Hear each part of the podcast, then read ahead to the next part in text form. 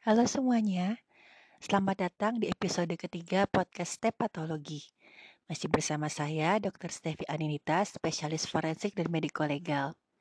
Terima kasih bagi kalian yang masih setia mendengarkan podcast Step. Pada episode ini, saya akan menjelaskan sedikit mengenai beberapa anggapan yang salah mengenai otopsi.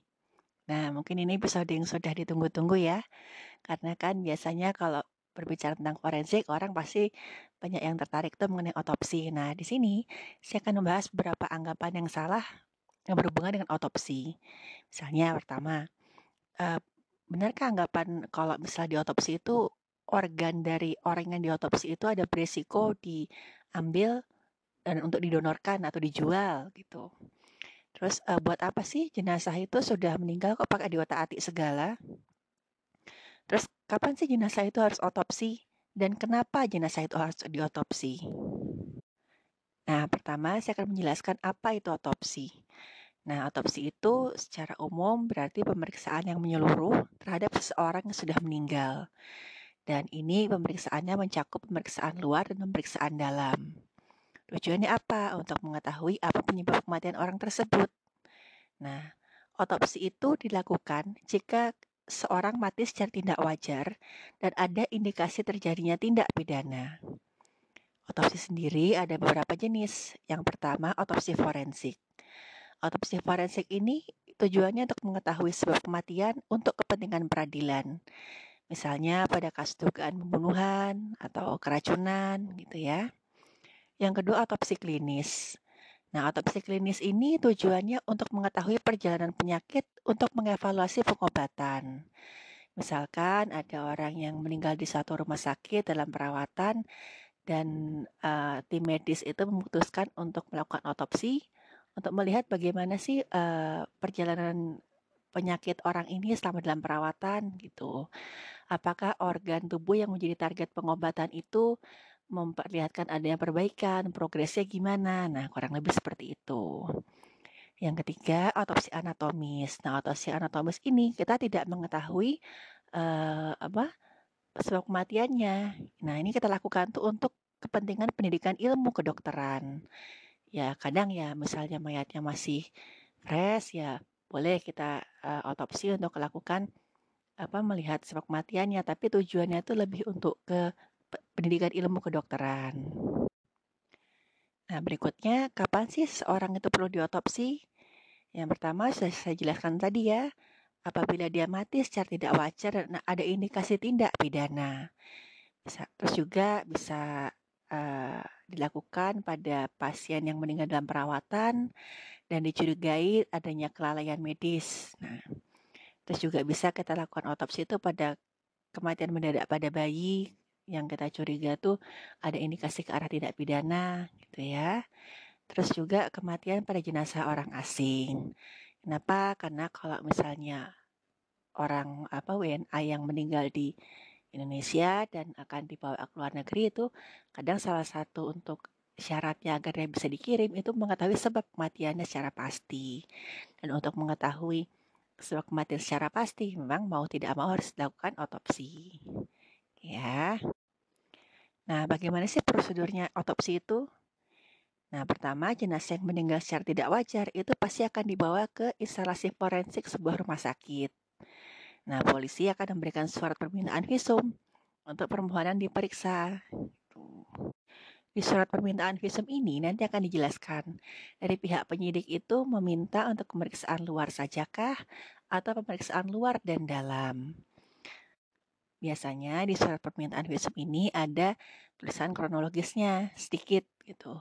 Ya jenazah ditemukan di mana atau mungkin ada saksi yang melihat jenazah ini sebelum meninggal ada kejadian apa.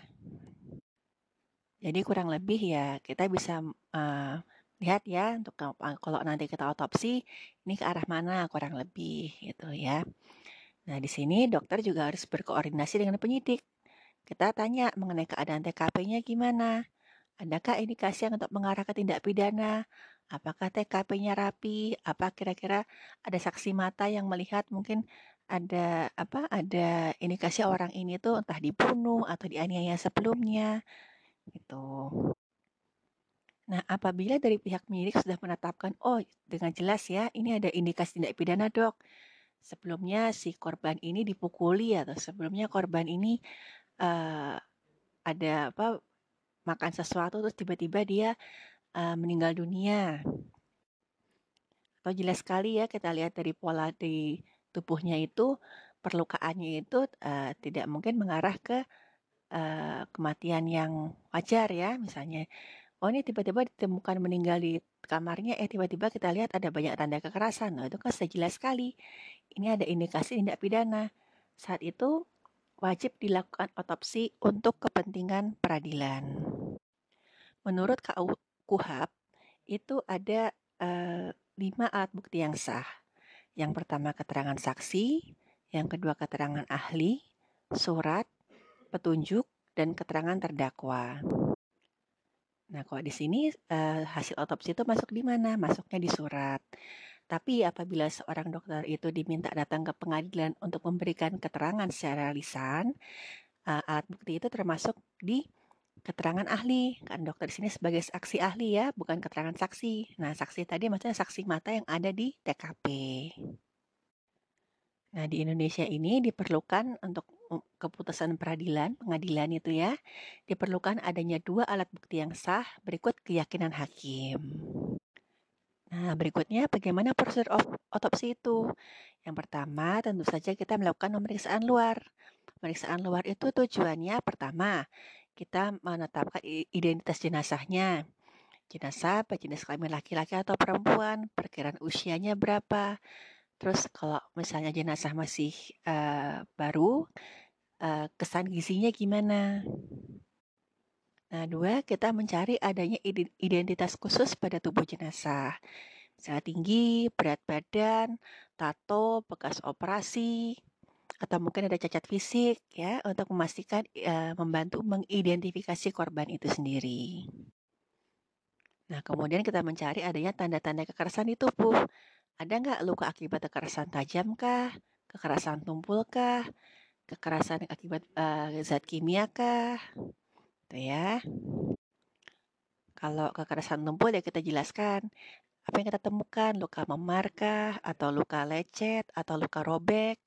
Soal kekerasan tajam ya, kita dari pola lukanya kita bisa memperkirakan ini uh, luka tusuk kah? Atau luka bacok? Atau luka iris?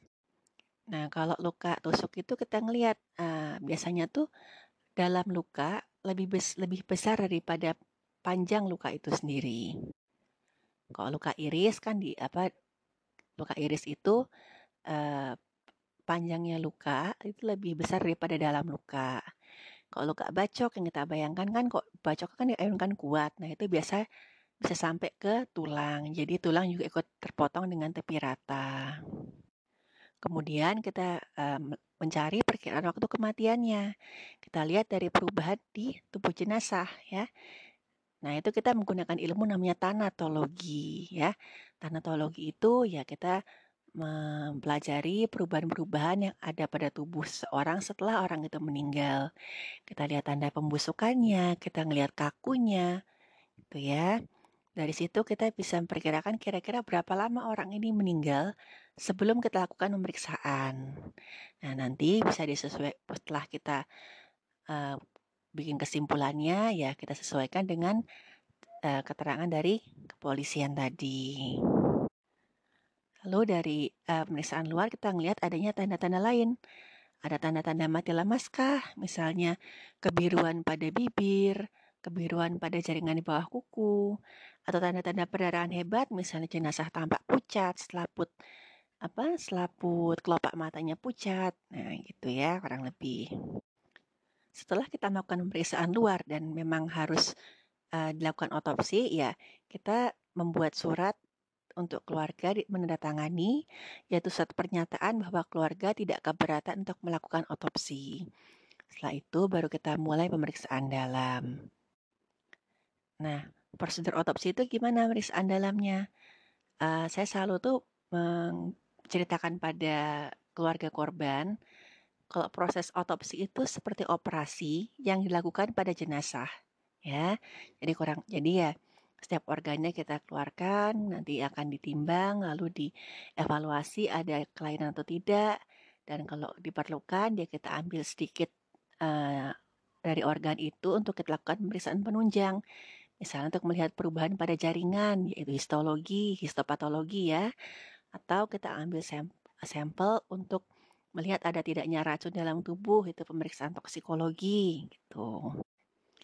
Nah, terus kan ada proses otopsi itu biasa memakan waktu yang lumayan lama karena seluruh organ itu harus diperiksa. Loh, kenapa? Kalau misalnya luka di kepala, kok seluruh tubuh tetap diperiksa? Misalnya orang itu menelan racun, kok seluruh tubuh tetap diperiksa? Kenapa? Karena tubuh manusia itu kan terdiri dari sistem organ, ya. Ada sistem pernafasan, sistem peredaran darah, sistem saraf pusat, Nah, kerusakan pada satu organ pasti akan mempengaruhi organ lain. Sebagai contoh, ada cedera tumpul di kepala. Nah, itu bisa menyebabkan pembengkakan jaringan otak. Nah, pembengkakan jaringan otak itu menyebabkan tertekannya batang otak yang yang di mana di situ ada pusat pernafasan. Nah, pusat pernafasan tertekan ya membuat orang itu mati lemas. Tanda mati lemas itu bisa kita lihat di organ-organ lain. Kita lihat darahnya gelap dan encer, organ-organnya warna kebiruan, terus kita melihat saluran nafas untuk melihat ada tanda-tanda fase asfiksia ya. Gitu. Nah, berikutnya, benar nggak sih kalau misalnya otopsi itu uh, jenazah itu beresiko organ-organnya diambil untuk dijual perjualbelikan ya ini yang sering dicurigai nih ya, kalau misalnya dokter-dokter mau otopsi nanti organnya dijual. Nah, itu jawabannya tuh nggak mungkin. Karena organ-organ tubuh itu pasti sudah nggak bisa digunakan lagi. Misalnya orang mau mendonorkan organ tubuhnya, itu harus dilakukan segera setelah kematian. Jadi prosesnya sebelumnya dia mendatangani dulu pernyataan bahwa dia akan mendonorkan entah organ tubuhnya yang mana. Nah, segera setelah dia, dinyatakan meninggal, organ itu harus diguyur dengan cairan khusus untuk mengawetkan. Jadi selama jaringan itu sebagian masih sebagian masih hidup, itu dicegah kerusakannya dengan cairan tadi. Nah, kemudian baru disimpan pada suhu dingin. Pada suhu 0 sampai 4 derajat Celcius, itu metabolisme sel pada jaringan itu menurun hingga 5%. Jadi sel itu memerlukan oksigen lebih rendah dan itu akan menunda kematian jaringan organnya.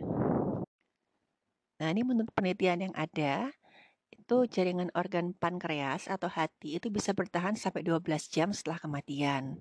Jantung sama paru itu 6 jam setelah kematian. Sedangkan ginjal itu sampai 30 jam setelah kematian. Tapi penelitian-penelitian ini dilakukan tuh pada organ donor yang melewati proses tadi setelah diguyur dengan cairan khusus tadi dan didinginkan. Nah, apabila orang yang meninggal di mana organ itu tersimpan dalam tubuhnya, itu kan um, pasti ya lebih cepat rusaknya gitu. Belum ada penelitian yang bisa me, apa me, meneliti itu berapa lama sih organ dalam tubuh itu kok bisa didiamkan di tubuh manusia itu masih bisa digunakan untuk or, untuk donor. Nah, tapi dalam proses kematian, pada saat terjadi kegagalan sistem peredaran darah, itu organ-organ lain itu akan dikorbankan untuk mempertahankan uh, aliran darah ke otak gitu. Jadi otak itu kan organ yang pokoknya diprioritaskan lah buat dikasih darah, dikasih oksigen gitu. Nah jadi begitu sistem peredaran darah ini selesai ya, uh, gagal, ya organ-organ lain dikorbankan ya aliran darah ke ginjal di stop, aliran darah ke hati di stop, ke mana-mana di stop, pokoknya diprioritaskan ke otak semua. Nah, itu sebabnya kalau pada orang yang pada saat diotopsi itu, organ-organ itu sudah tidak bisa lagi digunakan untuk donor, ya. Jadi, anggapan bahwa pada saat otopsi itu organ akan diambil untuk diperjualbelikan apalagi didonorkan itu salah ya karena memang sudah tidak bisa lagi digunakan. Nah, berikutnya apa yang terjadi setelah otopsi? Nah, tentu saja kita lakukan rekonstruksi ya. Organ-organ kita kembalikan di rongga tubuh.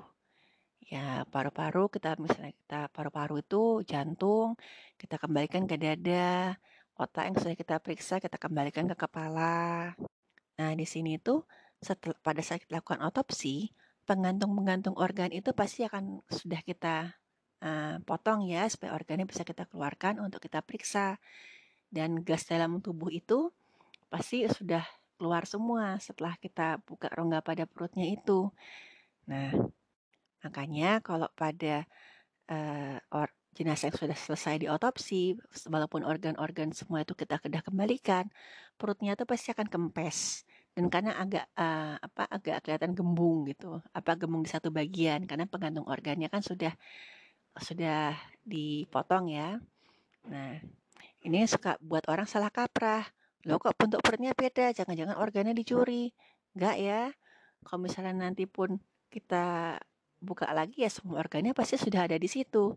Karena dokter-dokter forensik pasti akan memastikan semua organ sudah masuk ke tubuh lagi baru kita jahit, lakukan rekonstruksi, baru kita sucikan dan sebelum dikembalikan pada keluarga.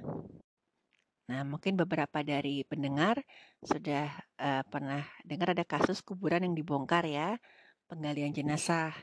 Itu namanya ekshumasi. Nah, itu penggalian jenazah untuk kepentingan peradilan. Nah, tujuannya apa? Ya, bisa jadi uh, pertama karena adanya pengakuan terdakwa. Sebagai contoh, kasus yang pernah saya saya hadapi itu kasus di mana seorang terdakwa kasus pembunuhan tiba-tiba mengaku dia menyembunyikan jenazah dengan cara mengubur di satu tempat. Nah, dari situ kita harus lakukan ekshumasi penggalian jenazah. Yang kedua, apabila ada kecurigaan bahwa jenazah yang sudah dikuburkan itu meninggal secara tidak wajar. Ya, ya tujuannya sudah pasti untuk kepentingan penyidikan ya. Nah, ekshumasi ini atau gali kubur itu uh, bisa menghadapi beberapa kesulitan. Kenapa? Karena semakin lama jenazah itu dikuburkan, maka kan proses pembusukan itu akan terus berlanjut, ya.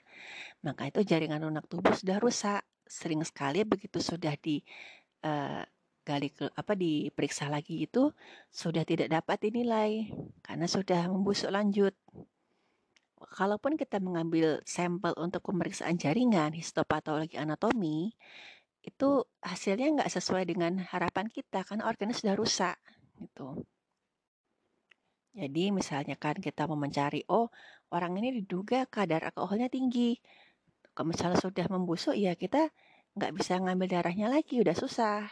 Gitu. Jadi ya ekshumasi itu ya beberapa kesulitan yang kita hadapi untuk pada saat proses itu ya seperti yang saya jelaskan tadi. Dan rata-rata setelah tiga bulan itu terjadi skeletonisasi sempurna atau semua jaringan lunaknya itu sudah rusak dan sudah jenazah sudah berupa kerangka. Oke, jadi kurang lebih itu yang bisa saya sampaikan ya pada episode stepatologi pada hari ini. Apabila masih ada kekurangan, saya mohon maaf. Dan misalkan dari pendengar ada yang mau bertanya, silakan bisa menghubungi saya lewat Twitter at stepatologi atau via Instagram stepatologi juga. Terima kasih atas para pendengar yang sudah mendengarkan. Sampai ketemu di episode berikutnya.